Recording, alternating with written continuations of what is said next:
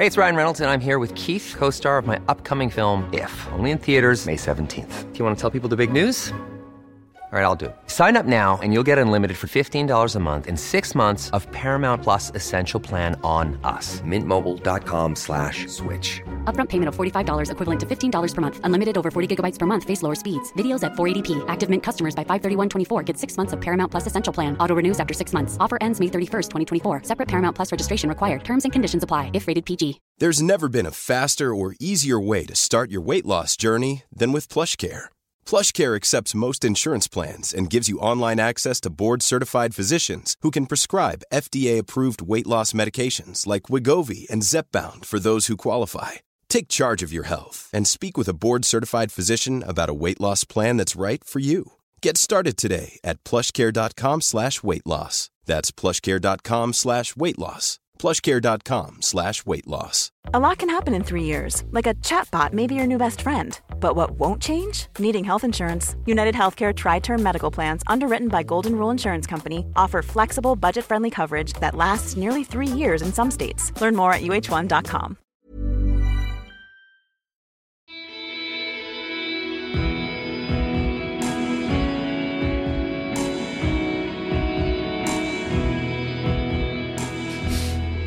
Hei og velkommen til eh, Kaptare podkast, episode 62, påskespesial, med Sindre Holme. Tidligere gjest på podkasten to ganger. Hei, Sindre. To ganger, ja. Ja, Det er, det er tredje gangen jeg er det. det er faktisk det. Du, du var med tidlig, Ja. helt, helt i begynnelsen. Jeg var en slags prøvekanin. Du var prøvekanin. For å se om dette konseptet kommer til å funke i det hele tatt. Det er helt sant, det du sier der. Da visste jeg ikke hva som kom til å funke, så jeg husker jeg, jeg, jeg benka fire episoder.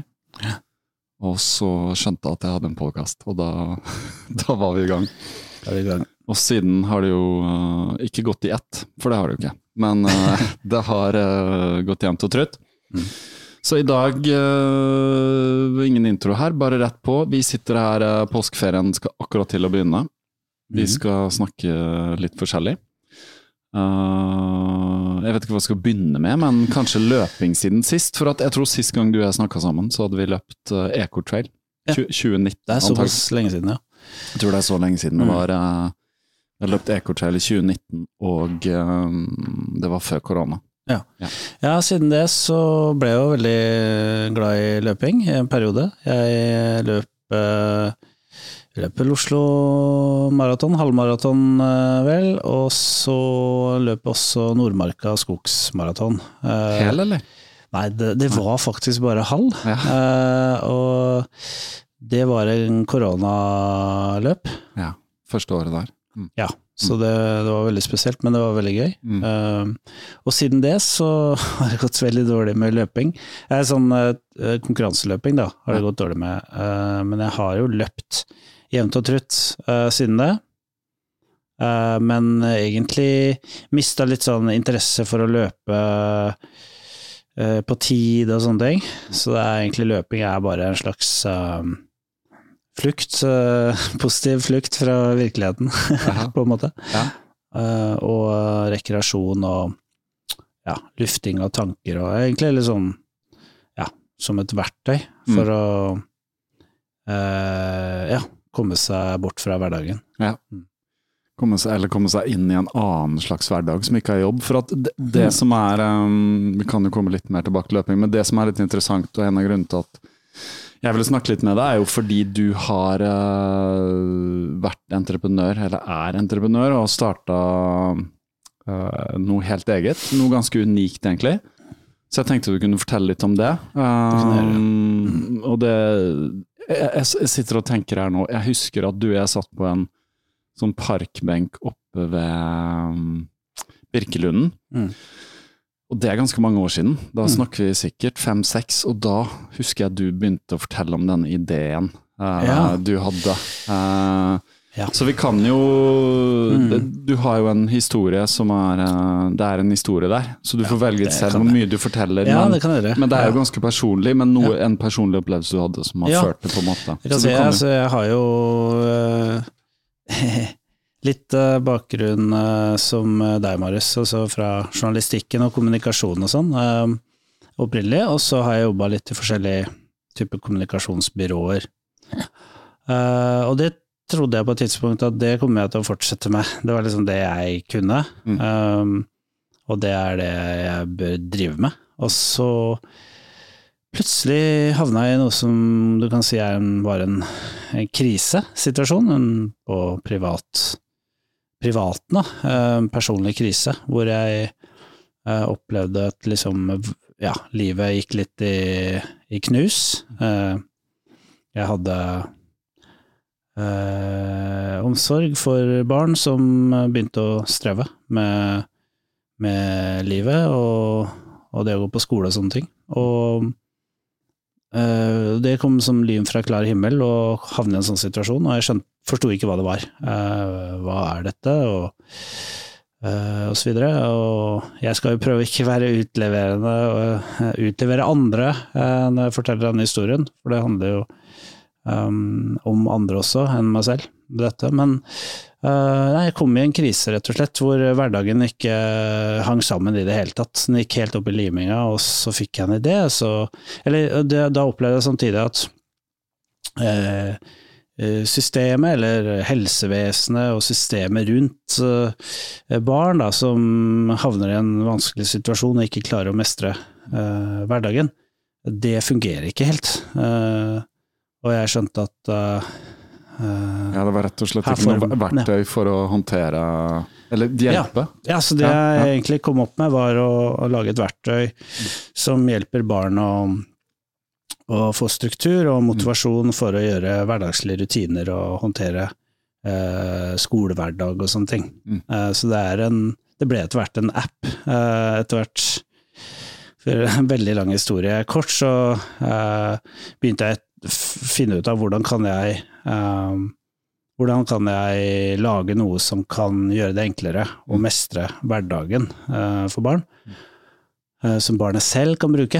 Uh, og ideen fikk jeg egentlig etter, å, etter at Pokémon Go kom, for det er jo egentlig en, ja, en app som lar som belønner en slags fysisk aktivitet. Altså, når den kom, så var jo det veldig mange som brukte Pokémon Go, og det man så jo folk gikk rundt eh, langs eh, eller, Altså, folk gikk veldig mye ute, fordi mm. det var en app som egentlig fungerte best hvis du faktisk beveger deg.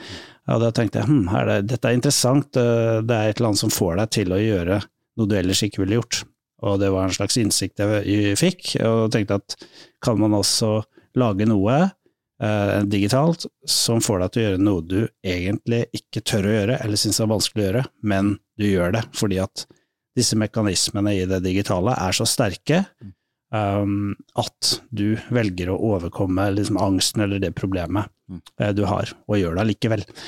Og det var det jeg begynte å utforske for, eh, ja, egentlig for så mange år siden. Ja, husk, Husker du når dette var? For at Jeg har bare sånn bak minnet av det, men det, det var før du begynte å løpe, og, Ja. Det, og din jeg sønn var mye yngre enn nå. Så Ja, jeg tror det må ha vært en Det må ha vært en eh, Det er kanskje en sju år siden, faktisk. Ja, jeg begynte det- å se på det, og så var det vel i 2018 jeg begynte med det på alvor. Eh, og, og da sammen begynte å snakke med noen forskere som tente på ideen og hadde lyst til å gjøre dette til et stort forskningsprosjekt, rett og slett. Uh, og da, når man gjør det, så tar man et valg. Man hopper av den karrieren, eller hva jeg skal si, man har. Um, og på det tidspunkt tenkte jeg at dette er fantastisk spennende, en stor befrielse å ha en, et privilegium og egentlig ha mulighet til å hoppe av det man driver med og har gjort hele livet, i gåseøyne, Mm. og gjøre noe helt nytt. Eh, og det er også, har også vært helt fantastisk. Samtidig så ser jeg også at det, når man gjør det, kanskje når man er 40 år, liksom, mm, og hopper av en karriere eh, og gjør noe helt annet, så øh, blir øh, samfunnet rundt, eller de, de blir kanskje litt usikre på hvem er du, hva kan du? Mm. Eh, fordi at øh, man får en veldig sånn fragmentert kompetanse, da. Mm. Eh, så det har jeg merka litt sånn i møte med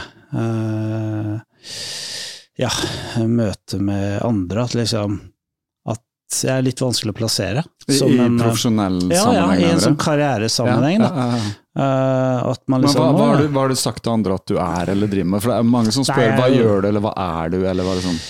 Jeg driver med et eget selskap, Ja, eh, sier jeg. Eh, og når man driver sitt eget selskap, så er man en altmuligmann. Man er en slags vaktmester, ikke sant. Mm. Eh, Man gjør alt fra prøve å finne investorer, Mm. skrive søknader, samarbeide med forskere, initiere utprøving av prosjekter, for du trenger jo bevis for at løsningen din fungerer, osv. Mm. Og man sitter med regnskap, og man sitter også og utvikler noe. Eh, sånn at man gjør oss Man smører seg utover i Ja. masse fagfelt, som gjør at man også blir litt sånn derre eh, Man blir liksom all over the place, da. Mm. Eh, og, og det har jeg gjort nå i mange år, og da blir man også litt sånn Hva er det jeg egentlig driver med? Eh? For man har da brukt mange år på og når man har brukt mange år på å være gründer, så har man også brukt mange år på å gjøre utrolig mange ting samtidig. Mm. Uh, mens andre som kanskje følger et karriereløp, de følger en sånn trapp man går oppover i, Mm. i karrieren sin. Mm. I Og stedet så er det et sånt stort svømmebasseng og Ja, ja. bakse rundt, da. Ja. Mm. Så har det vært litt sånn, for å si det litt banalt, har det vært litt sånn identitetskrise innimellom også? At uh, man stiller litt spørsmål ved hvilken identitet har jeg, og hva Ja, man gjør Ja, det. Jeg, jeg tror det handler eh, Man snakker liksom veldig sånn varmt om growth mindset, og at liksom man må hele tiden utvikle seg, og selvutvikling er en stor greie. mm. Men jeg tenker egentlig sånn, selv om selvutvikling er en stor greie, så skal man helst holde seg innenfor uh, en ramme. Uh, for hvis man ikke gjør det, så blir man utydelig, som på en måte uh, I forhold til andre? i forhold til liksom, Ja. hvis du ønsker en ny jobb, eller Ja, ja. ønsker å gå videre i karrieren, hvor går du da etter å ha vært Mm. gründer, liksom? Mm. Så det er jo sånn ehm, det, ja, det, man blir, altså, så kan man si kanskje er, en, kanskje er det en midtlivskrise at man blir gründer. Ja, Eh, ja, ja. Men, ja, for at man ehm, kommer til punktet punkt hvor man ser sånn Blir litt svett i panna bare Shit, hvor er jeg nå? Er dette livet, er dette, ikke sant? Er dette liksom har, det jeg har ja. gjort nå, er det det livet skal handle om? Mm. Eh, for man er liksom er jo ikke akkurat i de formative åra sine lenger, for å si det sånn. Nei, man er de, de er man i 20-åra, ikke sant. Det er da man gjerne former eh, hva du Eller legger, lager plattformen for hva den skal bli. Mm.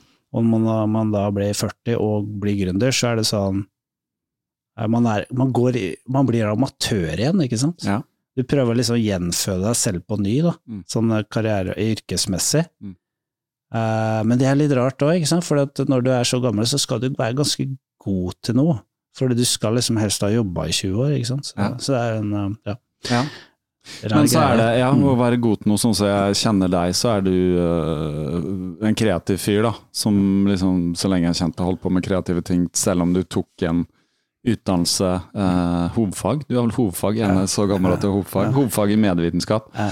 Så liksom fulgte en veldig sånn øh, mens, mens vi, begynte, vi begynte på universitet samtidig, Ja, så ja, jeg hoppa for å gå en enda mer kreativ Mm. vei med foto og teater og alt mulig. Mm. Så, så tok du igjen og fikk en jobb og sånn. Men du har alltid vært, for meg vært kreativ, om det har vært uh, musikk, skriving. Mm. Du har skrevet uh, Vi var jo i studentavis sammen, du ble Natt og Dag-journalist. Og jobba sammen. Du har liksom holdt på med det. Men, så jeg, jeg, jeg, skjønner at, jeg skjønner, skjønner at du valgte det, og ideen var jo helt fantastisk. Vi kan nevne hva appen heter, kan vi ikke det? Ja, den heter Habit, Habit. med to Ja. i-er. Habit. Ja, jeg kan linke opp til det om den Ja. Og du Tackle, mener firmaet heter, eller hva Mm. du kaller det sånn? Ja, stemmer. Altså, nei, så sånn sett så Jeg skal si, jeg, jeg syns jo, hvis vi er tilbake på, på, på løpingen igjen, da, så er den sånn derre Jeg tenker løping har jo Gleden med løping, da, den Mm. er jo veldig stor fortsatt, selv om jeg ikke liksom har noen ambisjoner i det. Mm. Og jeg tenker det med å det med å løpe i skogen, for eksempel, er litt som å være gründer, føler jeg. Det er litt sånn derre eh, Jeg liker å løpe, jeg liker å gå ut eh, og ikke vite hvor jeg skal. Jeg Mm. bestemmer meg akkurat idet jeg begynner å løpe. Og det passer meg veldig bra, for det er en sånn derre Jeg føler det Det handler om Ja, jeg ser en sånn parallell mellom det å være gründer og løpe, da. For det er litt sånn Man må hele tiden være forberedt på å liksom ta nye veier. Mm. Eh, For som gründer så er det hele tiden sånn at man møter veldig mange hindre.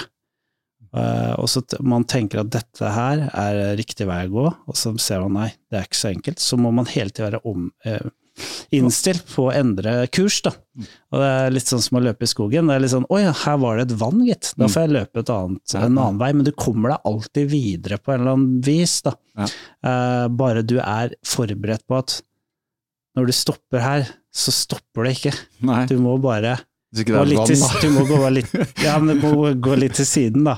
Og så må du gå rundt. Så er det en omvei, selvfølgelig, kanskje, men er en slags eh, kan være en fin metafor på det å starte starte selskap og Minner meg om uh, Har du lest Ryan Holiday, 'The Obstacle Is The Way'? Den boka? Ja, det stemmer. Ja, ja, ja. Han er veldig er, opptatt av at liksom, veien er altså, Ja, men jeg er helt enig. Jeg tror det er noe i det. mye metaforer der. Men Mm. det er jo Jeg liker veldig godt de Ryan Holiday-bøkene, fordi uh, Det er jo noe i det, og, og jeg tenker også det Det er interessant fordi liksom sånn det er jo det er veldig viktig å ha en strategi for hvor man skal, og ha et eh, langt, eh, langt perspektiv på ting. Men det er veldig farlig å, å låse seg til det, tenker jeg. Og jeg hørte også et um, Jeg hørte et, um, et podkastintervju med gründeren av Remarkable, disse eh, tegnebrettene, det norske selskapet, som har jo en langsiktig strategi, men de har ikke en plan som går lenger enn tre-fire måneder fram i tid, for de vet at verden rundt forandrer seg hele tiden, og det dukker opp, sant, teknologi endrer seg, markedet endrer seg osv. Så, videre. så de er liksom hele, selv om de er et stort selskap nå, med over 100 ansatte, så må man hele tida tenke at ok, om tre måneder så kan verden se annerledes ut. Mm. Vi må være forberedt på at vi skal eh, gjøre noe annet enn det vi har tenkt. Hvordan har det vært for deg uh, underveis, da? Altså ditt første liksom, mål eller visjon. Hvor, hvor mye har det forandret seg underveis, og hvor mye Ikke så veldig, men jeg har tenkt litt på det, at det, det er utrolig viktig Jeg har vært redd for å, å, å, å, å liksom få den erkjennelsen at jeg er ikke i stand til å endre meg. Eh, For det, man blir jo veldig opp, obsesst med sin egen idé når man starter noe. Dette skal jeg få til, dette er riktig måten å gjøre det på. Men så opplever man at markedet ofte kanskje er ikke eh, etterspør det du De etterspør lø, eh, løsningen på problemet, men ikke den måten å løse det på som du kommer med. Fordi at de jobber på en helt annen måte enn du eh, enn du har tenkt at de, altså, de jobber på en helt annen måte. Så det du, må, det du driver med, sånn som vi driver med, er jo en slags systemendring vi prøver å skape. Vi prøver å lage et verktøy som barn skal bruke for å hjelpe seg selv til å mestre sin egen hverdag. Men det problemet eies jo av eh, det eies av skolehelsetjeneste, det eies av spesialpedagoger, barnepsykologer osv. Og, så og de ser ikke vårt verktøy som den løsningen de ønsker, for de jobber på en helt annen måte. De ønsker et utredningsverktøy, de ønsker egentlig bare å digitalisere et stort skjema som de bruker i dag. Så det er utfordringen eh, med, å, med å jobbe som gründer, eh, gjerne innenfor helse og den type ting. Det er at egentlig det du driver med er systemendring, og det tar mye lengre tid eh, enn du egentlig tror. Eh, og eh, det tar mye lengre tid enn det jeg trodde når jeg starta. Uh, heldigvis, kan man si. Ellers hadde jeg kanskje aldri starta i det hele tatt. Det er vel litt sånn gyllen regel at uh, hvis man hadde visst alt nå å starte med, så hadde man gitt opp. Nei, men da hadde man gitt opp, ikke sant. Hvis du hadde sett fjellet liksom, Nettopp, når det du er begynner, utro, så utrolig viktig å liksom Det er derfor det også ikke er viktig Det er derfor det er viktig å ikke tenke for langt fram Mm. hele tiden heller. Eh, fordi at du må være litt sånn fleksibel i hva, eh, hvor du går hen og hvilke muligheter som oppstår. Ja. Så nei, det Ja, ikke sant. Eh, men eh, hva vil du si, hvis du kan liksom summere opp eh, Nå vet jeg, jeg snakker med deg jevnlig underveis, og sånt, så jeg vet det har vært både medgang og motgang, men ja.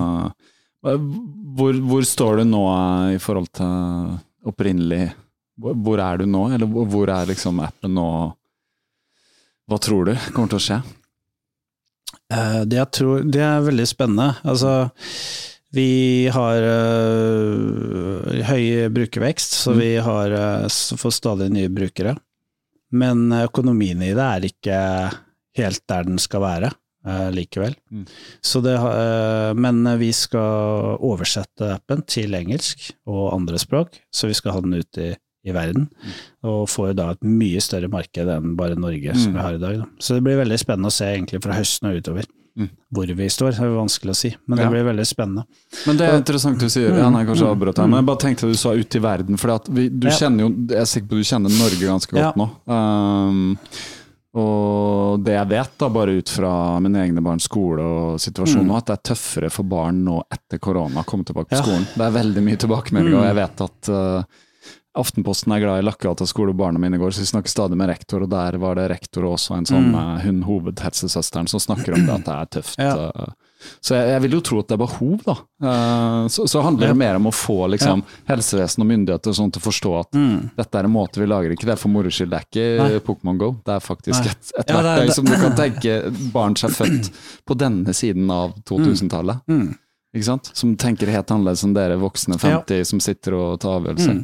Altså Det vi bruker i appen er det som kalles for positiv forsterkning. Altså vi bruker, altså Det er jo det spill handler om.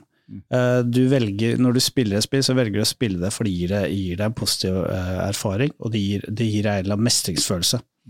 Og så, det vi gjør, er å knytte hverdagslige rutiner opp mot uh, spillmekanismer. Sånn at hver gang du gjør en rutine som er bra for deg, da får du en eh, belønning, som er en digital belønning som, da, som igjen fører til at du investerer tid og, eh, og på en måte kreativitet i spillet, som gjør at du vil fortsette å spille.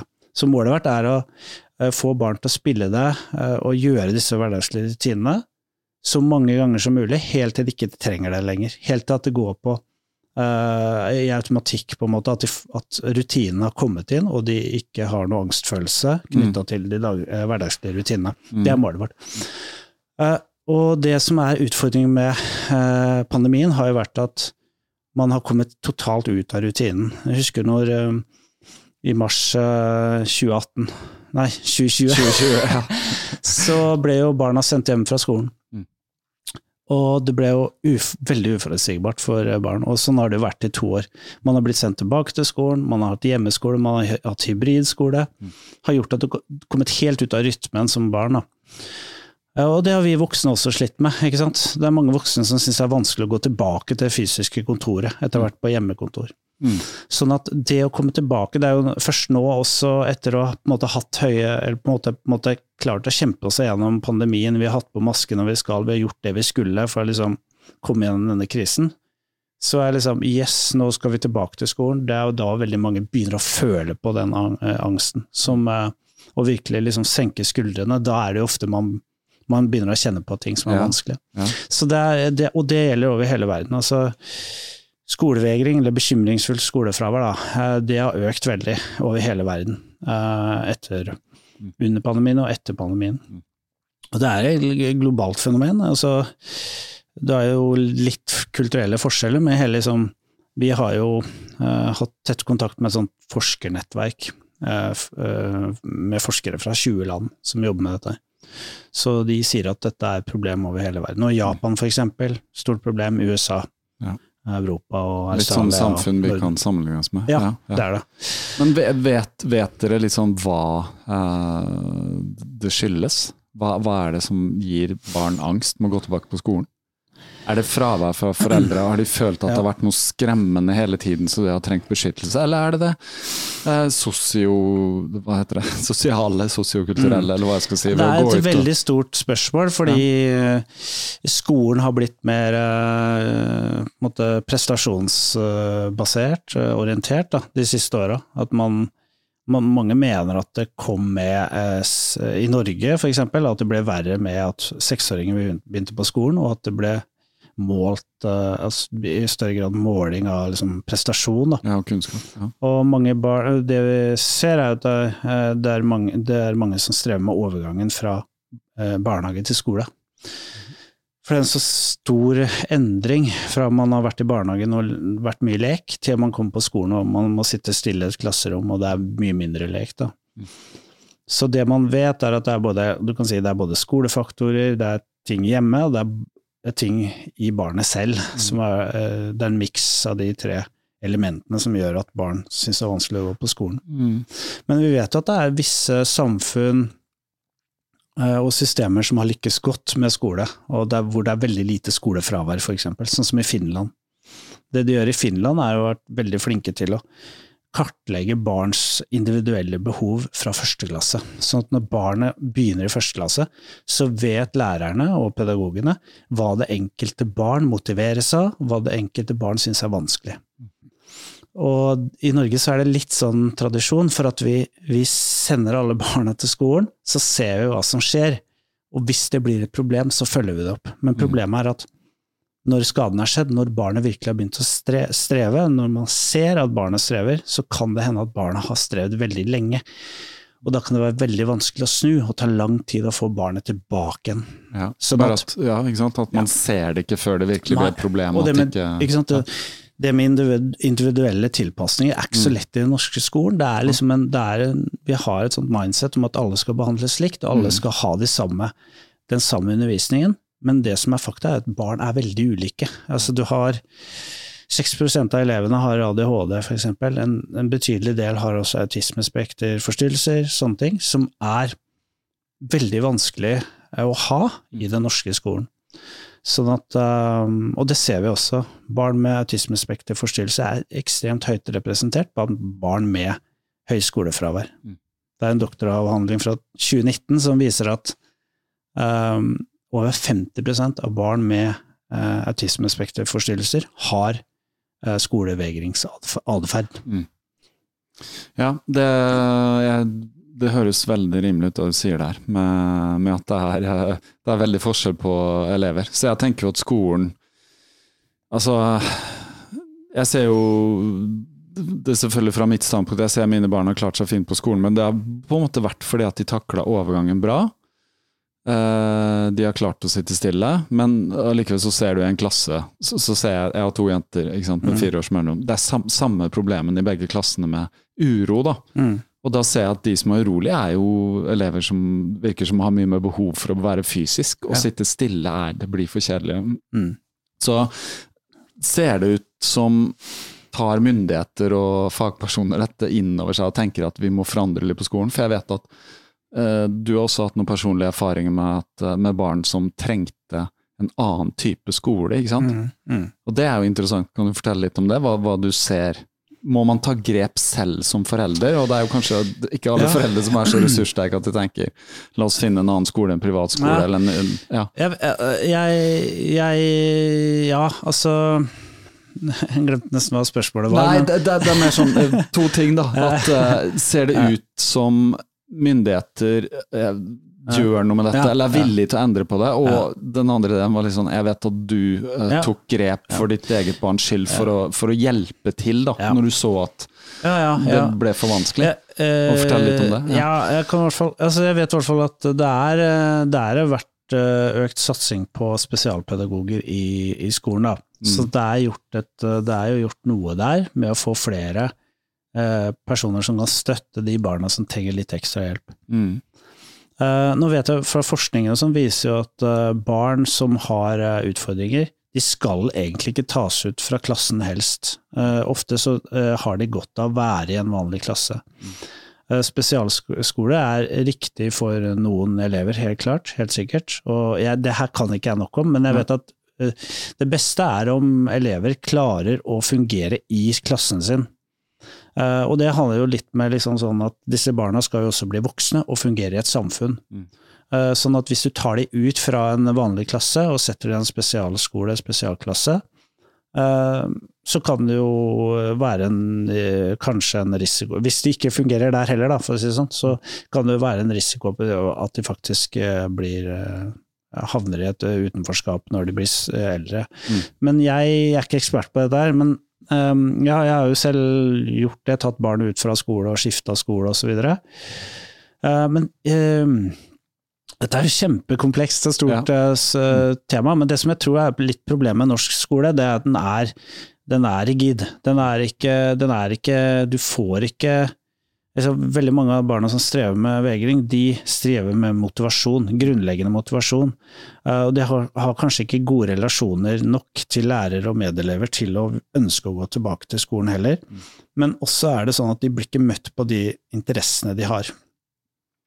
Og det blir det ofte ikke før de begynner på videregående. Mm. Da kan man begynne å spesialisere seg. Mm. Ønsker man, å, ønsker man yrkesskole, ønsker man eh, naturbruk eller hva det måtte være, der har du muligheten. Så det er jo faktisk ganske mange barn som har strevd gjennom hele grunnskolen. Det har slitt av kanskje i tolv år. Ti år, ja. Ti-tolv år, ja. Ti år, ti år, altså, Mm. ja, ti år. Ti år grunnskolen. Og så kommer det endelig Mm. Oi, nå har jeg mulighet til å Mm. liksom dyrke mine interesser. Mm. Og da forsvinner problemene. Og da er det jo klart, det er jo et lite bevis på at kanskje skolen er for rigid, da, Ja. og ikke klarer å fange opp de individuelle behovene som Ja. barn har. Ja. Og det er jo en del privatskoler som er litt motsatt, da. Som jeg vet uh, Steinskole som jeg kjenner til, Mm. som du har hatt barn Ja. på, men også Ja. venner Montessori. Som, finnes, som dyrker absolutt. på en måte mer sånn Ja. kreative evner, da. Ja. Eh, for at det er jo Alle vet jo at det er forskjell. Fordi Ja. se på samfunnet, folk jobber med forskjellige ting. Noen vil jobbe med fysiske ting og være ute, Mm. noen funker å sitte ja. på måte på skjermer eller hva. Men, Ja. eh, men eh, det er det det virker som skolen er sånn. I hvert fall Mm. kjøre alle gjennom samme på så vi har liksom grunnleggende matematikk og språk og Ja. alt det der, og så det handler litt om måten man lærer ting på. Jeg er Mm. veldig enig i at barn skal lære grunnleggende ting, og at det er en del ting man alle bør egentlig liksom måte få litt befatning med. Da. Mm. Men det handler litt på hvor, hvilke metoder man bruker også, Mm. for å gjøre det litt spennende å lære ting. Mm. Altså Man kan være mye ute for eksempel, og ha litt mer sånn fysisk matte. Og, Ja. altså, Ja. Det er lenge siden jeg gikk på skolen, men ja. uh, jeg tenker at det er mye kreativt man kan gjøre rundt undervisning for å fange opp de fleste. Eller fange opp flere. Mm. Man husker jo kanskje sjøl tilbake også på og hadde klassefolk, eller klassekamerater som ikke mestra så godt den klasseromsituasjonen, Ja, men som klart, egentlig hadde masse andre ressurser Ja, i seg. ja. Og det er jo, jeg, jeg tror nok skolen har blitt bedre. Jeg tror egentlig det har blitt bedre til å se at dette er elever som har ressurser, som, Mm. som må Mm. bli stimulert på en annen måte. Mm. Uh, og det, det, der- Dit er vi nok på vei. Mm. Men, uh, Men vet, vet du eh, f.eks. hva som gjøres med noe som jeg vet er en stor, stor utfordring i skolen, som er litt sånn også kompleks, men det ADHD, den betegnelsen der, Mm. ADHD-betegnelsen, vet, vet du hva som gjøres med det? Kan det føre til skolevegring òg? Ja, altså det er jo en del av Det er, det er jo en av de store gruppene. Man sier jo Mm. liksom har eh, autisme, eh, du har ADHD, og så har du angst og depresjon, som er liksom de, de, de fire liksom store grupperingene som er høyt representert innenfor eh, skolevegring. Da. Mm. At du ser at barn har symptomer på eller på en måte enten har de to diagnosene, ADHD eller eh, autismespekter, eller så er de eh, deprimerte eller har angst. Mm. Eh, Men det jeg vel har lest, er vel at det er jo stadig flere elever som blir diagnostisert med ADHD. Mm. Stadig flere som Og det, jeg vet ikke om det er samfunnet som er eh, organisert på en måte som gjør at flere barn får symptomer på det, Mm. fordi at uh, samfunnet ikke er rigga for det. Eller om det er sånn at uh, man har blitt flinkere til å fange det opp. Mm. For det finnes jo mange voksne også som får diagnosen i voksen alder nå. Ja. Fordi at det har ikke blitt. Man har ikke sett det. Eh, man har ikke tenkt på at eh, Man liksom ikke har hatt kompetanse til å se det. Jeg er blitt nysgjerrig på det. Jeg leser Ja. faktisk en bok om, om, eh, om det nå, som Ja. uh, lånt biblioteket, som heter Men der kaller han det Det er en uh, kanadisk lege som heter Gabor Maté, jeg vet ikke om du kjenner til han? Men, Nei, det eh, gjør ikke. han har vært på Fox Show-podkasten for lenge Ja. siden, for han er veldig flink med um, Han jobber med mye Hva heter det? eh, avhengighet da, Mm. av substanser og alkohol Ja, og sånne sånne ting. Og han ser på ting veldig holistisk. Men han skrev en bok, med den heter ADD. Ja. Han kaller det ikke ADHD, men. ADD. Mm. Så at den der hyper er borte fra Mm. Men han, Mm, han har det selv, da. Ja, Eh, og liksom eh, Litt sånn, Jeg skjønte det ikke, men han Ja. er lege, velfungerende. Men det så bare Mm. han skriver om symptomene sine, hvor, liksom, hvor kaotisk han var i sin hverdag. Og, Ja. og hvor mye Ja. Og Mm. selv om liksom barna hans vokste opp egentlig det han trodde var trygt hjem, så fikk to av fire også symptomer. Er det liksom betegnelsen? Så det er kjempeinteressant. Eh, Men det, det vi vet er vel at eh, ofte så får de ikke den diagnosen før de er mer sånn kanskje Mm. ja, kanskje 10-11 års alder da, at det er vanlig at man ikke fanger det opp med en gang. Og Ja. da kan jo barna allerede ha strevd i flere år. Så det er jo vanskelig å vite hvor mange som ja, Ja. av de som uh, sliter, som faktisk har det. Men, uh, Men det er kanskje det at vi må Jeg har ikke lest så mye om det, men jeg vet at det er en del historier som er sånn elever som har hatt det, og så, og så Mm. begynner de på en skole hvor Mm. de kan være mye ute ute, sov i telt og sånn, og så bare ah, da, da mestrer de det. Det er liksom det de trenger, da. Ja. De trenger ikke den der sitte og så prøve å lese det, prøve å løse Nei. mattestykkene, liksom konse, for det er jo et sant. konsentrasjonsproblem, da.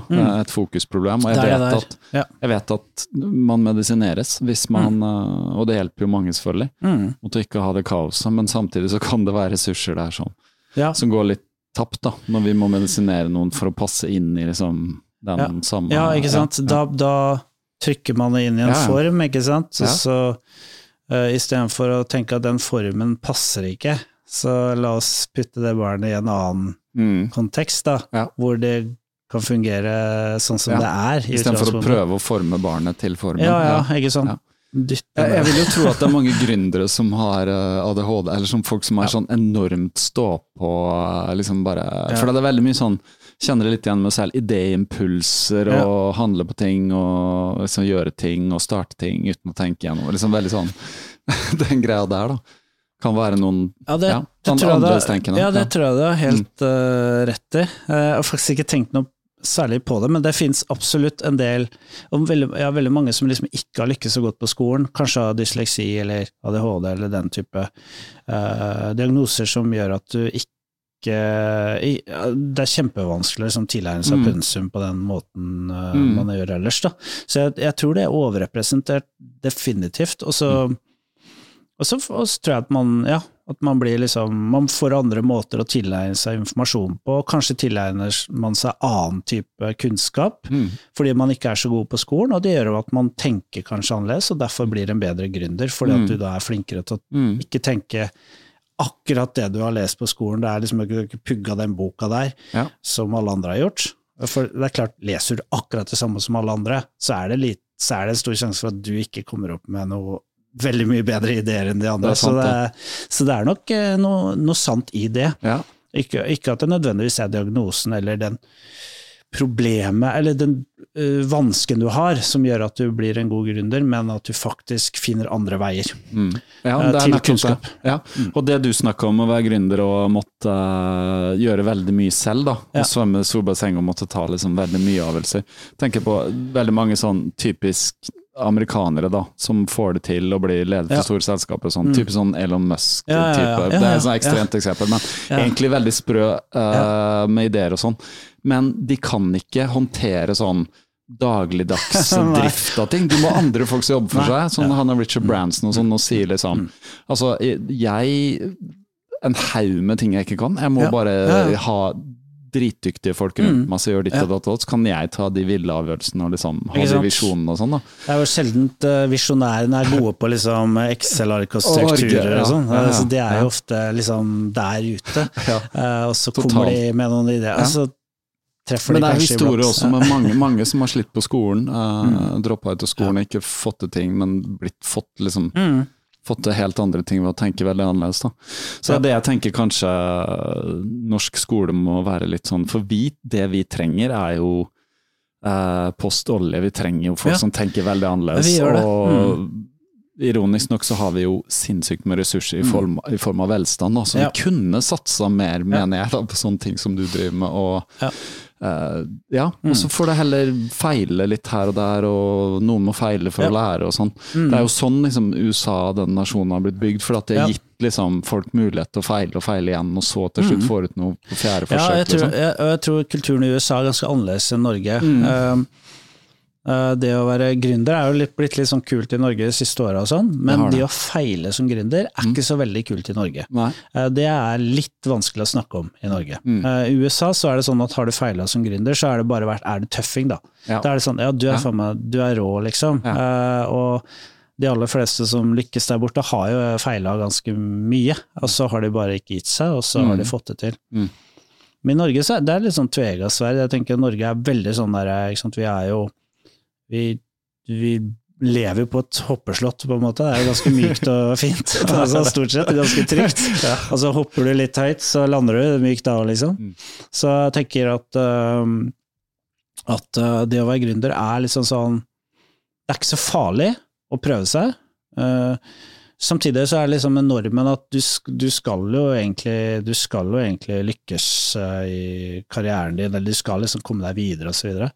Og da kan liksom det å feile som gründer være at du blir satt litt tilbake, for det liksom, du har prøvd på noe lenge, og så får du ikke til, og så må du finne en vei Mm. tilbake der du var, og så videre. Så, Ja. Men eh, det er jo altså, Jeg syns synes romantiseringen av gründerskap er litt farlig, da, fordi det er ikke for alle. Det er knallhardt, og det er eh, Og det er eh, kan være veldig, veldig, veldig tøft, og det har jeg merka sjøl også. Og der har jo liksom, tilbake til det med løpingen, vært veldig bra, ikke sant, fordi du får sånn du, du får litt utløp for den der, disse, mm. denne frustrasjonen kanskje opplever Mm. til tider, og det, det med å stange hodet i en vegg osv. Da er det bedre å komme seg ut og løpe. Hva tror du hadde skjedd hvis ikke du hadde løpt? Hvis ikke du hadde begynt med det i hele tatt? Nei, da hadde man gått, sant, hadde man gått rundt i ring hjemme, sånn som så, sånn onkel Skrue, Ja, ja, ja. sånn, Så- sånn mønster i teppet, ikke sant. Ja, det går, du går nedover og nedover i gulvet, for du Ja, tenker ja, sånn. ikke sant. Ja. Til slutt så hadde man gått ned, til, ned i kjelleren, da, Ja. rett og slett. Så både metaforisk og på, Jeg, jeg husker jo du, du, før du drev med løping, så drev du litt med yoga, vet jeg. Ja. Og det var vel Ja. i en sånn stressende periode for deg, hvor Veldig. du bare måtte ha Ja, noe ikke sant. Yoga har var kjempebra i den Mm. perioden der. Mm. Uh, og jeg er ikke så veldig glad i alt, eh, alt liksom mystikken rundt det på en måte. Altså, jeg sier Ja. ikke at det er så veldig mye mystikk, eller, men jeg syns det er fantastisk å oppdage hvordan man liksom kan få kontroll på stress, Mm. og hvordan man kan liksom virkelig roe seg ned, og når du roer deg ned, så begynner du å se ting klarhet. Mm. klarhet, Mm. og, og du ser veien videre. Mm. Så absolutt, jeg syns ja, yoga er helt Men hva var det sa, du likte ikke musik musikken eller mystikken? Eh, Musikken. Musikken. Også, musikken er, Ja, sa- sa du ja, musikken? musikken er ganske kjedelig, syns jeg ofte. Ja, det er ofte sånn harmoniske lyder. som Ja, ja. ja. Nei, men det er liksom, jeg liker litt progressive ja, det gjør ting. du. det, Du er jo en, rock, du er jo en rocker. eh, Det funker dårlig. Pro progressiv rock. Ja, vi, vi er jo holdt på å si vokst opp, vi er ikke der, men vi møtte hverandre akkurat uh, Ja. 2021, og så hørte vi på Ja. Ja, du har brakt mye musikk inn i mitt liv som eh, jeg ellers ikke ville hørt på. Det var et sidespor, men, eh, men, eh, ja, men det var, var mystikken du sa? Mystikken? Mystikken rundt yoga?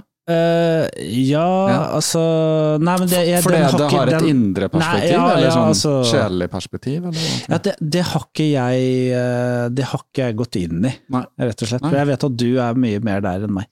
Ja, men Mm. ikke nødvendigvis på yoga. Men jeg, eh, når du sier det, altså Mm. Jeg er jo Jeg har jo begynt å meditere Mm. fast, da. Eh, Metodisk, liksom. Altså, jeg, jeg har vært på kurs og, og sånt, så og der er det jo der er det, ja, Kall det mystikk, men for de, for de som driver med det TM er jo blitt ganske den kommersielle delen av eh, meditasjon. da. Det springer litt ut fra yoga også, for jeg vet at hvis de har sånn lengre kurs og samlinger, så gjør de litt yoga, pust, pusteøvelser og sånn. Men det de er opptatt av, er jo bevissthet. De snakker om bevissthet. Da. Og det er jo et helt eget uh, tema. Et Mm, mm. metafysisk tema som, ikke, som liksom foregår i ditt indre. Så, så der, er det, der er det vanskelig å si 'sånn er det', og 'sånn er det'. Da blir det litt mer som hva du velger å tro selv, Ja, eller ja. kjenne på. Så, men selvfølgelig, yoga kommer jo fra en eldgammel, liksom, tusenvis av år gammel Mm. eh, indisk tradisjon og sånn, så Mm. det henger sammen, yoga og Mm. og bevissthet og meditasjon og sånne ting. Og mye yoga er liksom, litt sånn meditasjon i praksis, at du gjør det for å få en sånn ro og indre klarhet og sånn. Ja. Så, men, eh, men meditasjon er veldig annerledes, for du sitter dønn stille. Mm. Så der handler det bare om å observere sitt eget indre og være i sitt eget indre. Da, og, Mm. ja, og sånn sett øh, slippe stress øh, jeg sier ikke slippe stress, men at du forløser stress. da. Mm, Det er meningen. mm, Og, og mm. faktisk TM og transcendental meditasjon har jeg forska en del på. Og gjort veldig populær i USA med David Lynch. Mm. David Lynch, ja, ja, David. David Lynch er jo TM-praktikant. Ja. Mm. Hugh, Jackman, en del sånne kjente, en del sånne Mm, Hollywood-folk. Mm. Uh, og han Bob Roth, som er sånn veldig kjent tema der han har vært på Ritual-podkasten og skrevet Ja. bok, og jeg har drevet og lest litt om det. Så hvis jeg skal fortelle om det, så har det vært veldig nyttig for meg. For at uh, under korona så var jeg også i en superstressperiode med en jobb uh, som jeg nå har slett, sletta. Sletta fra minnet. Sletta fra minnet. Jeg slutta i den. Eh, og etter det så fant jeg ut jeg må gjøre noe. Jeg, må, jeg hadde vært i så stress at jeg kjente Mm. Ja. at det var uh, kjempeskadelig for søvn og dermed Mm. helse og sånn. Altså. Mm. Men jeg skjønte at liksom det jeg skjønte, min store erkjennelse da, var at Ja. stresset var ikke der ute. Nei. Som jeg hadde tenkt mens jeg var i jobben, så tenkte jeg hele tiden at stresset er der ute. Ja, og det jeg måtte gjøre i den ytre verden, var Mm. det som skapte stresset. Men så skjønte jeg, når jeg fikk litt tid til å summe meg etterpå, at stresset kom jo innenfra. Ja. Så jeg forsto at hvis jeg hadde havna i en sånn situasjon på nytt, mm. så måtte jeg liksom håndtere det på nytt på samme måten. Så Mm, derfor tenkte jeg at ok, da må jeg gjøre noe grep, da, for Mm. å på en måte hjelpe meg selv Mm, ut av dette mm. stresset, eller bare utvikle meg så at jeg ikke håndterer eh, stresset på Ja. så stressende måte. Mm, hvis du mm, skjønner mm, eh, mm. logikken der. Og det er litt sånn mange som er liksom opptatt, opptatt av stoisk filosofi og sånn, og liksom hva er det som Mm. påvirker deg og sånn, så jeg hadde lest om uh, alle disse tingene i noen år, men liksom hadde slitt med å finne hva er liksom måten jeg kan Mm. Ja. gjøre noe med det på. Ja. Så, så det er det det handler om litt for meg, og vært, Mm. kjempenyttig. Og også skjønt at sånn var løpingen litt òg. Mm. Løpingen var alltid liksom Eller er, da. eh, Også bort fra stresset, hvor jeg kunne Mm. tenke på stresset og sånn, men det, det satt liksom ikke i på samme Mm. måten. Og det er jo mange som sier at løping er min meditasjon og sånn, og det Ja. er jo litt som å meditere, fordi at du gir Du gir på en måte hjernen din noe å gjøre som er lett da, å løpe i seg selv. Mm. Så hvis ikke du må fokusere på klokka og Mm. pulsen og løpe Mm. et drag og Mm. ha veldig fokus på det, så å løpe og bare løpe i skogen, eller Mm. du kan jo space ut og, og ha løpt og plutselig bare Å ja, nå har jeg løpt uten å være bevisst på Mm. det, liksom.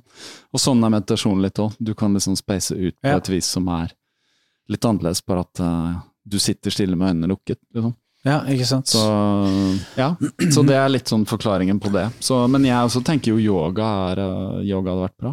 Mm. Yoga er bra for uh, masse ting som er Ja. sånn rygg og Mm. uh, jeg vet jo folk som, som har drevet med yoga, som driver med løping og fotball Ja. og alt mulig òg, så det er blitt mer vanlig. jeg er fascinert av, jeg er fascinert av liksom hva pusten kan gjøre med det. Ikke sant? Altså, korona, som du sier, har vært litt sånn kortpusta sitt periode, Mm, mm. Eh, hvor du er liksom Du har måttet være i alarmberedskap hele tiden, for det har vært nye regler, og Mm. du må gå med den der maska og eh, alt dette her. Så, så jeg tenker mm, det man eh, lærer gjennom yoga sånn, er jo at uh, hvis du bare setter deg ned, du roer deg helt ned, Mm.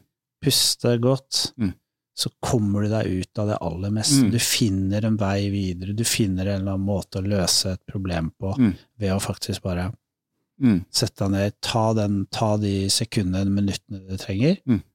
for da begynner du å tenke klarere. Og så liksom det med Mm. at det intellekt, intellektet er kobla opp mot pusten. Mm. At måte, det med å roe helt ned gjør at hjernen også fungerer bedre. Ja. For hjernen fungerer utrolig dårlig når du er kortpusta. Ja, I en stressituasjon. liksom- Ja, i en stressituasjon. Da fungerer hjernen veldig dårlig. ja, Mm. det, det viser seg jo fysiologisk at da kutter jo eh, Hjernen kutter Mm. liksom blodstrømmen til den prefrontale cortexen, som er den eh, som håndterer på en måte problemløsning og sånn. Mm. Så vi går mer inn i den eh, dyret i oss, Ja, altså, ja, ja, som, klart. som kalles en sånn fight-flight-situasjon. Ja. Eh, så akkurat det der med pust, du kan faktisk ta kontroll. Mm. Eh, hvis, og, og det kan være stress, eller at du blir trigga av Ja. noen, Mm. i ferd med å bli sint. Mm. Hvis du kommer i en oppheta debatt, og så sier noen, og så kjenner du Ja, at ja, at det der er provoserer meg så jævlig at Ja. Så Mm. går du inn i en sånn Ja. Ikke sant? Mm. Og da kan man faktisk bare liksom ta Mm. seg selv i det, puste noen lange drag inn og inn i nesa, ut munn. og så vil faktisk det bare sende et signal til hjernen at hei, uh, Mm. ting er greit her, altså. Mm. Eh, Du trenger ikke løpe nå eller gå i fight-modus, liksom. Nei, ikke sant. Så, Mm. så det er jo superinteressant. Uh, Og når vi snakker om pust Skal vi komme på pust? Jeg, jeg skrev, husker du det? Jeg skrev jo et par ting om det når vi snakka her. For Ja, ja. at, uh, jeg må Mm. bare fortelle, da, for at som lytter av podkasten vet, så er jeg ganske opptatt av pusting. Og uh, snakker. Ikke sant? Og jeg snakka med en som er sånn pustetrener og sånn. Og så, eh, og jeg har lest en del om det og hørt på mye podkaster og sånn, og det liksom begynner å bli litt mer sånn bevissthet rundt det der ute. Ja. Men så er det den der eh, saken, da, puste gjennom nesa, og så posta jeg her om dagen på Instagram et uh, Bare sånn via en annen konto som intervjua han Patrick Ja. McEwen, som er sånn puster, da, og han snakka om liksom Ja, liksom pust, må puste med nesa, puste med munnen, stå og se deg i speilet, puste med munnen, så ser du som en moron. Han var litt sånn småfrekk da, oh, ja. på den der, ikke Ja, sant? ja, ja. Han hørtes kanskje litt sånn overbærende ut. Ja. Og så posta jeg den. Og ja, litt sånn. Og så var det vel litt sånn som du vet det kan være en, en trickster uh, der som kom inn, og så posta jeg rett etterpå sånn Så hva puster vi med, da? Mm. Og så to alternativer. Nesa eller munnen, så klart. Ja, ja. Og det trigga ganske mange det var, For det første var det mange som stemte, og morsomt nok så var det 17 som stemte på hver. Så det var sånn 50-50. Ja, ja, ja. Men da er mistanken at noen stemte munnen bare, for å, bare fordi de syntes det var teit. Ja. At noen Ja, skulle fortelle dem hva de Ja, skulle gjøre, ja. og, det, og det skjønner jeg også. Ja.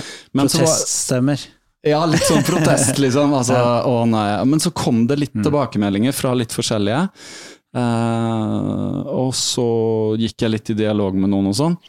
Og så kom det noen spørsmål, da. Litt sånn, som, var litt sånn Når du går i dialog, så merker du at folk er litt nysgjerrige, men noen er litt sånn lei av å høre på det. Og da skjønte jeg at noen hadde hørt på noen podkaster med visse som teiper munnen og, og, og trener og går på ski Ja. og sånn, og hadde fått litt nok, da. Ja. Og det kan jeg forstå. Hvis det blir for mye fokus på det, så kan det være litt nok. Og så mange skrev nei, grensa går ved teiping av munnen. Ikke sant? Jeg får litt sånn nattsvermeren-bilde opp uh, Og det, og, hodet og det hadde jeg lyst til å si, for jeg tror det at det kan trigge mange for å tro at hos heiper munn er en svær gaffateip over, Ja. og sånn, mm, bare litt sånn bundet bakpå og Ja, sånn. litt sånn waterboarding neste. Ja. Men, men det det har vært litt sånn debatt om i løpemiljøer, sånn, hvor noen sier er at liksom puste med nesa når du løper. Um, og så var det en som spurte meg om det. Ja, men puster du med nesa når du løper? Så skrev jeg liksom det som er faktum, er puste med nesa når du løper rolig. Mm.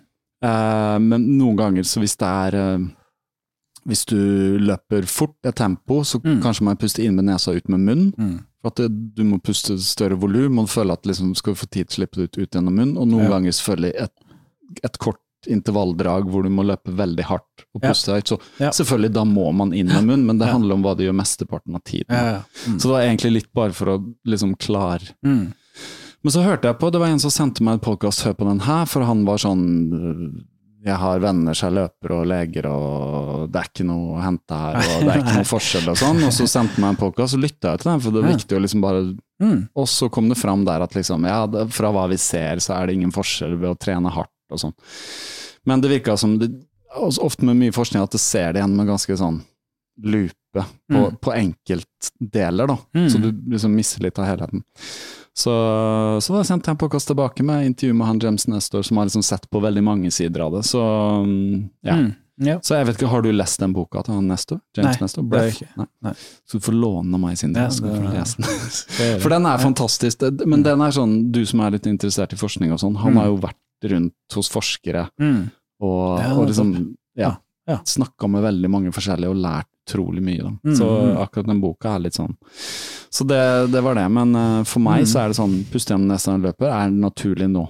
Uh. Og det alle kan være enige om, at hvis du løper rolig, og så kommer forbi en fyr som må puste kort med munn, så skjønner man intuitivt at noe er galt, liksom. Ja. Så, Det- så det er kanskje litt sånn hva folk blir vant til å tro at man må pese så mye når man løper. Det trenger man ikke. Nei, det trenger man ikke. Nei. Det er jeg enig i. Mm. Så, ja. Men det var en liten, uh, et Ja. lite sidespor der, så får jeg bare Mm. invitere folk da, til å lese Breath igjen. Og jeg måtte faktisk Mm. ringe han uh, Hans Christian Smedsrud, og den, nå er det alvor, og spørre han litt hva er liksom, eh, du som er litt i det sightcast og kulturen her, hva, hva er med nespusting? Og Mm. Han hadde forska, eller forska, lest litt om det og Ja. Snakka med faren sin som er forsker og sånn, og der, han mente det var mye da. Han sa jeg bruker det til intensitetsstyring, det syns jeg var godt sagt. For at Ja. hvis du løper, Mm. så kan du styre intensiteten, bare, bare kjenne på pust. Da. Se hvor grensa går. og Ja, ja, og det er jo sånn hvis du leser liksom, sånn som jeg har lest den der 80-20-boka om løping, så er det sånn hvordan kan du styre intensitet? Jo, du kan kjenne på hvordan kroppen føles. Hvor hardt føles det? Jo, du kan se på pulsen. Mm. Mm. Og så kan du selvfølgelig se på fart. Hvor fort går det i forhold til hvordan jeg føler meg? Og så kan du kjenne på pusten. Ja. Så det er jo en litt sånn Ja. Det henger, henger, henger sammen, det her. Ja. Så, Men for de som løper 400 meter drag og sånn, så har det sikkert ikke noe å si akkurat i et 400 meter drag om du puster med munnen eller nesa. Nei, Men eh, over lang tid og sånn, så er det mye fordel. Ja. Så, Mm. ja, så det var det. Ja, ja, ja, ikke sant. Men, ja. eh, ja, men hvor, hvordan puster du du løper? Har du tenkt på det? Eller? Tenker ikke så mye på det. Nei, ikke sant. Det, det skal Eh, jo gå automatisk, Ja, men uh, jeg gjør ikke det. Jeg har liksom aldri tenkt på at det er noe problem. Men jeg, det er klart, jeg har eh, nok Jeg er nok ikke så god på det. Mm. Fordi at jeg har en rute som jeg bruker mange ganger, eller ofte, som er veldig mye oppover i starten. Ja. Uh, og så er jeg ikke flink nok til å holde lavt uh, tempo, Mm. så det kan nok hende det er litt uh, Begynner hardt. Ja. begynner hardt, ja. Prøv neste gang, og så begynne å løpe, så kjenner du Ja, Ja, ikke sant? Kan jeg, kan jeg puste med nesa nå, eller er det Men det er jo ikke sånn at du nødvendigvis må løpe med munnen helt lukka. Altså Nei. den er sånn, men at det er liksom ja. Ja. Så det er alle kanskje kjenner litt på det selv òg, og det er Ja. veldig sånn individuelt, og det forandrer Mm. seg etter hvert. Ja. Kan være på dagsformen og sånn. Mm, mm. Så ja, utenom dette, hva er det jeg skulle Vi er vel i mål nå?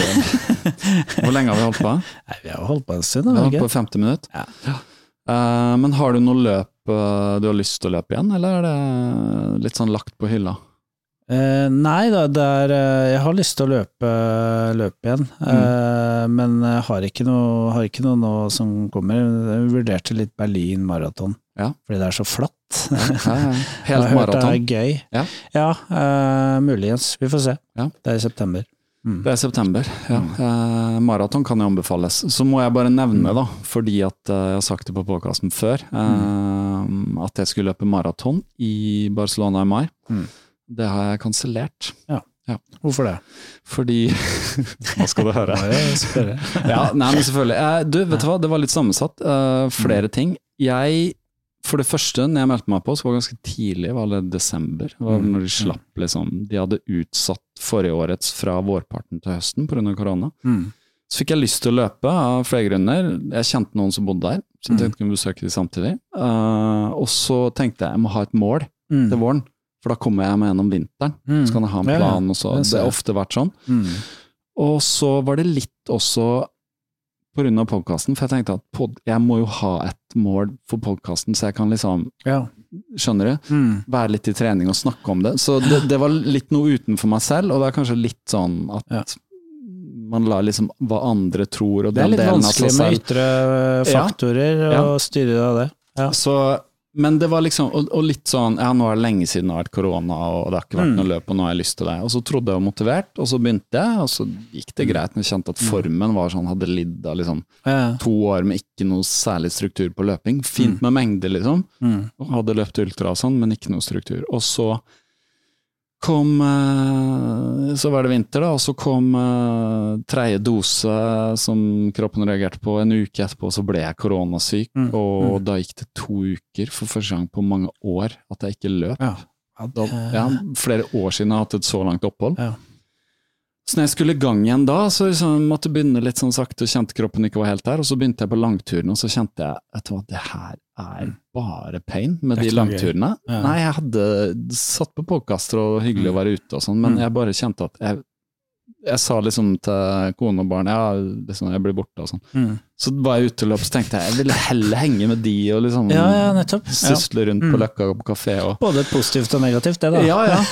ja, ikke sant? For vanligvis er det sånn man henger, Men det er liksom fint Mm. med de helgene, og så ser man at barna begynner å bli større, så man skjønner at liksom, dette er en tid som snart forbi. Mm. Ja. Så det er sånn mange ting. Og Mm. så dukka det opp eh, en mulighet til å reise til Spania bare en måned etterpå, på, Ja. noe, på noe veldig moro, så jeg kan fortelle om seinere. Og Ja, da skjønte Mm. jeg om Mm. Ja, da kan jeg ta en annen, for det er litt sånn Ja. lengre sikt, men der Ja. ser det ut til at det blir et podkastintervju, så det er litt sånn egen. Men så Mm. skjønte jeg at jeg kan ikke legitimere to turer til Spania på egen hånd uh, i løpet av en måned, liksom. Mm. Nei, nei. Eh, Eller jeg følte det, da. Sånn, Mm. ikke sant. Uh, og så, plutselig, så, så, så sier SAS til meg Du, vi har endra på flighten din.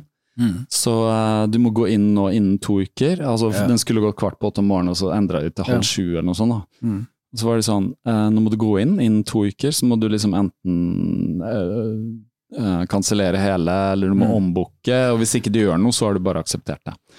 Det, var det, det var det tegnet du trengte Det for var det tegnet jeg trengte. Så liksom natta Ja. til 14 dager før, så var jeg sånn Så bare skjønte jeg shit, jeg kansellerer den der nå. Jeg Ja. gjør det for at det er liksom Nå er jeg ikke ærlig med meg sjøl. Ja, nå er jeg ikke helt ærlig med meg sjøl lenger her. Og, og så er det litt sånn derre Ja, det hadde vært hyggelig å dratt ned løpet, men jeg skjønte at liksom Mm. Så er det litt det der, jeg skjønte at tiden min ville ikke kunne bli noe bedre enn jeg har løpt før, og da mistet jeg også Mm. litt motivasjon. Mm. Så det er liksom hele den sammensatte der. Så etterpå så kjente jeg egentlig bare litt lettelse, faktisk. Så jeg må være såpass ærlig. Og så er det et ultra der uh, i august, da, Oslofjorden rundt, så det er heller for å ha det som et perspektiv. Oslofjorden rundt, ja. Ja. det Jeg skulle løpe fem, fem, jeg skulle løpt i fjor også, ble Ja. ble sjuk Og da. det går fra Det går helt fra Moss til uh, Ja. Lysaker. Ja, ikke sant. Så det, det er langt, vet du, det er 80 km. Ja, det så er det det. er to, Mm. to maraton. Uh, så det blir jo Og det er liksom Det er noe annet. Det er uh, Mm. Du vet Noe jeg aldri har gjort før. Ja, ja. ja men det er gøy. Så det, ja, jeg er håper det. Ja. Men det er liksom, da har jeg, da, da har jeg Mm. god tid å trene på det, og nå kommer sommeren, det blir lettere å løpe mer i skogen og sånn. Så det er grunnen til at det ikke Det blir noe maraton. Så Ja. bare håper at ikke lytteren blir Mm. skuffa, da. For det ikke blir noe maraton. Men jeg tror du skjønner det. Nå er det sånn, og så er det litt Ja. Det er, det er interessant det du sier. Eh, eh, Jeg syns bare liten bro over til tilbake til de tingene vi snakka om i stad. Det er interessant det vi snakker om liksom ytre og indre motivasjonsfaktorer, og hva som styrer. Eh, Vi har jo, når vi har jobba med verktøyet vårt, det er Habit, så? Det baserer seg på Eller det, det, her, det er jo noen eh, slags ytre faktorer. Ikke sant? Du gamer barnas hverdag for at de skal gjøre det de bør gjøre. Mm. Eh, Men det er ikke sånn at vi ber de gjøre noe de absolutt ikke vil. Eh, altså vi har vår, eh, ikke sant, eh, Dette er jo barn Barn flest ønsker jo å lykkes i sin hverdag, ønsker å få hverdagen til å gå, ønsker å gjøre de tinga som gjør at de, ja, at de lykkes og får, og, og får til ting. Mm. Uh, og det tenker jeg, for det, der har vi møtt skepsis da, blant foreldre som har sagt ja, men du kan ikke drive uh, game, altså liksom gi belønninger for at barn skal gjøre noe, eh, gjøre ting. Mm. For hvis du gjør det, så blir de vant til belønningen, og da gjør de for belønningens skyld. Mm. Men det viser forskning at de ikke gjør. For at hvis den indre motivasjonen er sterkt imot å gjøre ting, så Mm. gjør de det ikke. Uansett Ja, så liksom. gjør de det ikke uansett. nei, sant. Mm. Sånn at eh, de vil ikke funke på sikt. Nei. Sånn at, eh, og det tenkte jeg liksom på, og det er vi og det viser, ikke sant, at eh, når vi jobber med barn, da, Mm. uh, som vi skal få dem til å gjøre noe, så vet vi at det er, dette er atferd de egentlig ønsker å ha. Det er egentlig noe de ønsker å mestre, men vi hjelper de å mestre. Mm. Vi, vi, drar, vi hjelper de å liksom eh, legger den gulrota foran det, sånn at det blir lettere å mestre. Mm. Sånn at, eh, og det tenker jeg sånn at den uh, menneskers indre drivkrafta er så sterk at eh, den vil alltid styre hva du til slutt ender med å gjøre. Ja. Ikke sant? Altså, det er klart Uh, ja. I Ja, hvert fall, ja, hvert fall, uh, hvert fall frie, frie, såpass frie mennesker som vi er, da, Ja. så vil det alltid styre. Så jeg bare kom til å tenke på det. Ja, nei, det Men har du, uh, før vi avslutter, jeg vet ikke om vi snakker om litt sånn, har du noe Det er jo påske, da. Har du noen Mm. gøye tips til noe eh, kultur, holdt jeg på å si? Bok, film, et eller annet som du har sett uh, lest i det siste? Som, oh, jeg, eh, jeg leste, begynte å lese eh, han um, Erlend O. Nødtvedt sin 'Vestlandet', som er en utrolig morsom uh, bok. Uh, en slags blanding av Frode Grytten og Ragnar Hovland og Ja. ja. Erlend Eh, Nødtvedt. ja, en nydelig bok. Eh, For oss som er glad i Bergen og har- et spesielt forhold til det, så er den ekstra gøy, syns jeg. Så det er en slags, det er en slags eh, eh, beat-bok, si. En slags mm. Jack uh, on the road, bare på Vestlandet. Mm. Uh, hvor de reiser rundt og de møter jo Olav H. Hauge, og de møter jo alle legender som har bodd på Vestlandet opp igjennom. Og så, eh, ja. Ja. Det er rett og slett Den Kult. en hyllest til Vestlandet. Den er en nydelig bok som jeg vil anbefale. Ja. Har, du lest, har du lest den ferdig, eller? Ja. Ja. Er helt, eh, ja. Kanskje han finnes som lydbok òg, hvem vet? Det er jeg litt usikker på om man gjør, men eh, det burde han gjøre. Ja. Mm, mm. Eller så hø hører du på podkast når du er løper, eller har du noe annet? uh, Ja, musikk det gjør jeg. Jeg Ja. har ikke noe fast rutine. rutine. Nå hører jeg mye på Ezra Klein Ja. uh, akkurat nå. Er Men jeg hører jo også på din, selvfølgelig. Ja. Og jeg hører på Rich Roll. Ja. Uh, ja, litt forskjellig. Um, Ezra Klein har kjent navn, men jeg husker ikke farten. Hvem, han, uh, hvem er det? nei, han uh, jobber vel i New York Times, Ja. og ja, Ja, det er mye politikk, da. Mm. selvfølgelig. Jeg abonnerer på New York Times, og da er det Ezra Klein Mm. han skriver òg, ikke sant? Jeg lurer på om Ja, det lurer jeg på. Det er jeg litt usikker på. Jeg skal ikke si det sikkert, men uh, jeg husker det. Eh, Ofte i New York Times, når du leser en artikkel, så kan du også høre den. Ja, det Eller kan du også gjøre. Ja, Eller det jeg lurer stemmer, på, er stemmer. at noen ganger om, det er, om de har spilt inn en podkast, og så har de liksom transkribert den på et vis, da. Å ja, det kan, det kan. Uh, ja, nei, altså New York Times har i hvert fall en del som du kan høre på. Jeg har ikke gjort det, men Mm. jeg har lest. Ja. Nei. Eh, Så det er jo for tiden mye, mye Ukraina-stoff jeg hører på, da. Ja, det er det. Ja. Eh, Det er litt sånn uh, mørkt også, men Ja, det er samtidig utrolig interessant òg. Det er viktig, jeg òg Ja. tenker det. Det er liksom viktig å få litt sånn kontekst rundt hele òg, da. Fordi Mm. Å forstå liksom mer enn er bare, dag til dag det er en dag. spektakulær hendelse Ja, det er det. på mange måter. Mm. Da. Eh, Det er jo liksom første gang jeg har sett det sånn En krig blir eh, på en måte dekka på den måten den Mm. blir. Altså, du har en president som bare er eh, han er, eh, han er jo skuespiller, og Mm. han er jo, har jo talegaver, og Mm, det er der han Det er helt utrolig hvordan liksom er hvordan han har klart å mediere liksom, krigen, da. Ja, ja. Og, og fått, garantert, Mm. fått støtte fra hele verden på grunn av at han er så flink til å formidle hva som skjer. Han kan stå og tale vet du, rett til nasjonalforsamlinger overalt. eh. Ikke sant? Han er ikke godt likt. Eh, Det, Det var faktisk en sak i siste Månedblad også, Mm. hvor de spurte sånn Er det en Zelenskyisme, liksom? Ja, jeg tenker sånn, For ti år siden så hadde kanskje russerne faktisk tatt Kiev på, på noen få døgn, Ja. faktisk. Ja. Fordi at eh, eh, det, det hadde ikke blitt uh, Ikke blitt noe motstand. ikke, Nei, det hadde ikke blitt så mye motstand, det hadde Mm. ikke fått så mye oppmerksomhet. Mm. Og så mye støtte. Ja. Ja. Nei, så det, det er interessant. Det er litt sånn uh, et, Kanskje et kulturskifte på gang. Nei, det, er, det, det kan vi snakke mye om, det er, uh, men uh, det skal vi ikke gjøre nå. Nei, men du, er, du, ja, du er vant til korte podkaster, så når timen er gått, så er det sånn Ja, da er vi ferdige, da. ja, jeg måtte Men- lage halvtimes lange podkaster. Ja, men det kan du jo nevne så vidt, da, det, Mm, men det kom jo fram i tidligere Ja. episoder med deg. Men Mm. uh, du drev jo podkast Ja. så langt tilbake at det er f- 2012. Ja, før folk hadde hørt ordet podkast. Visste ikke at det fantes podkast, visste ikke at det var en app-podkast. Knapt lydbøker, Knapt knapt fantes opptaksutstyr på den tiden her. ja, ikke sant? Måtte gå i studio og spille inn på bånd. Ja, ja, nesten. Ja. Ja. Så, men podkast fra 2012 og helt fram til du holdt på så vidt uh, Eller hadde du gitt deg når du var på Vi ga oss vel for to Altså, vi hadde Ja, vel år litt sånne der krampetrekninger inntil for to år siden, tenker jeg. Eh, Så vi lagde litt over 200 episoder. Mm. Det er ganske bra, altså. Norske informasjonsrådgivere. Ja. Ja. Fins liksom hele back-katalogen der et sted, eller forsvinner det? Ja, søren, er et godt spørsmål, Ja, altså. Den- for det har jeg tenkt på også, hvis ja. noen skulle, siden skulle gitt meg med påkasten Ja. Mm. her, så går det der Acast-abonnementet ut. Burde ha sendt det til Nasjonalarkivet. Ja, Nasjonalbiblioteket. Eller biblioteket. Ja, er- ja. ja. Nei, det, det er et godt spørsmål, Ja. fordi ja, forsvinner det, eller er det der? Vi kan søke opp Norsk informasjonsnir. Det var morsomt, det var en bra påkast. Det var, Jeg hørte på den uh, innimellom. Det, Det var en håndfull som gjorde det. Det Ja. var hyggelig, det. Det var en håndfull, ja. ja. Men er det, hva tror du skal til for å lage en podkast som blir stor og kjent? Da snakker vi om Norge, da.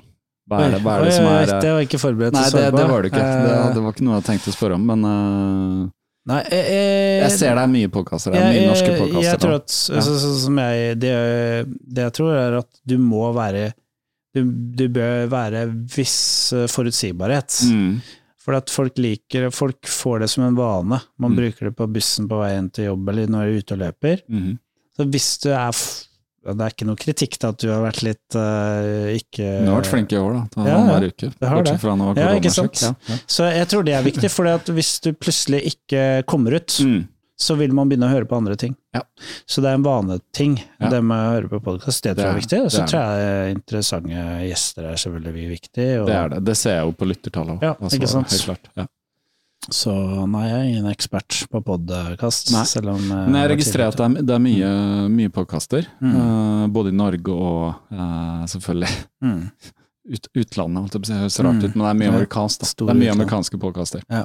Det er det. Det er massivt. Og de fleste jeg hører på, er jo amerikansk. Så, men jeg merker at jeg holder meg til de samme samme, som gjerne kjører to timers episoder og Mm. går dypt og sånn. Det er det jeg liker. Så Mm. det er litt det som har forma denne podkasten òg. Det er litt vanskelig å orientere seg nå, det er så mange, så jeg vet ikke Veldig helt mange. eh, Veldig mange.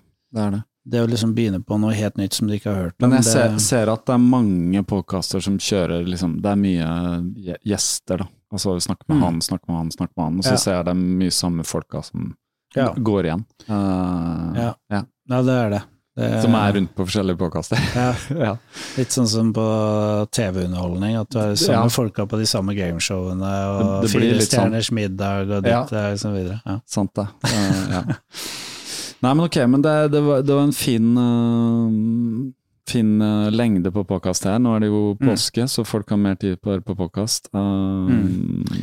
Så Ezra Klein, ja. New York Times. Ritual Mm. Har du hørt på Roll On, han og Adams Connick? Ja, det, det er jeg veldig fan av. Jeg har skjønt at den har fått litt sånn kultstatus, for folk driver og det fungerer, det er kult. kult Folk, folk sender noen meldinger til de, og, Mm. og, og da hører du Du hører noen andre sider av Rich Roll On når han er Mm. med han som han blir sånn kjent med. Ja, Litt, litt mer avslappa, liksom, og litt mer tullete og Ja. Han er sånn, Noen ganger så er han nesten Mm. begrensa til å være litt småfrekk med han, og sånn, så det Ja. kommer fram en annen side der folk skriver inn og er sånn Mm. De har skrevet inn er- Ritual, du er for slem med Adam Ja, Skolnick ja, og sånn. ja, ikke sant.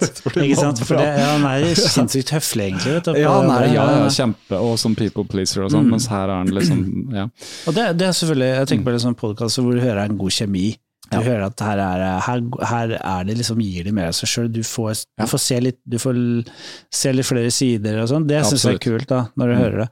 Men Så- det med de amerikanske podkastene, sånn som den der som jeg sliter litt med, Mm. Det er alle referansene til sport som jeg er totalt uinteressert i. Sånne Ja. baseballting Ja.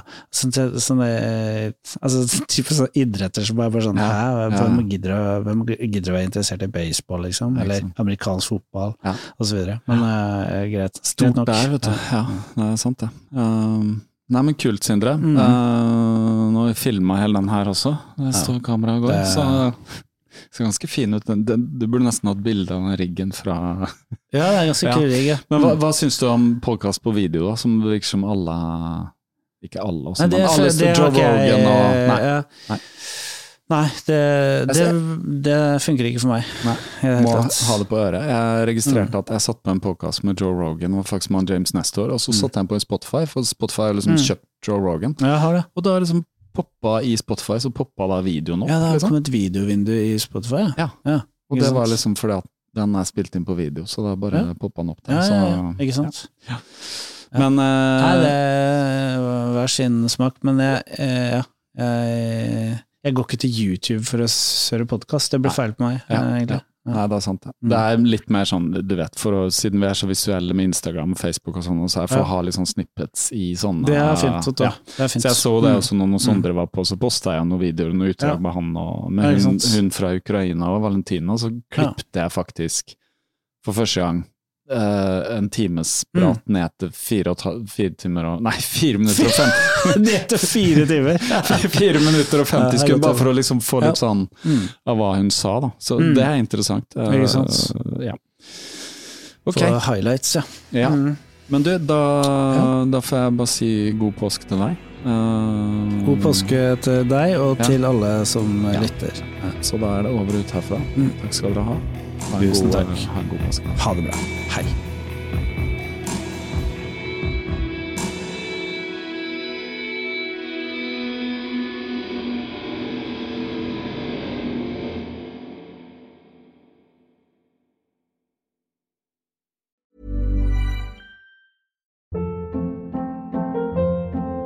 Hold up. What was that? Boring. No flavor. That was as bad as those leftovers you ate all week. Kiki Palmer here, and it's time to say hello to something fresh and guilt-free. Hello Fresh. Jazz up dinner with pecan-crusted chicken or garlic butter shrimp scampi. Now that's music to my mouth. Hello Fresh. Let's get this dinner party started. Discover all the delicious possibilities at hellofresh.com. Planning for your next trip? Elevate your travel style with Quince. Quince has all the jet setting essentials you'll want for your next getaway, like European linen, premium luggage options, buttery soft Italian leather bags, and so much more. And is all priced at 50 to 80% less than similar brands. Plus, Quince only works with factories that use safe and ethical manufacturing practices. Pack your bags with high-quality essentials you'll be wearing for vacations to come with Quince. Go to quince.com slash pack for free shipping and 365-day returns.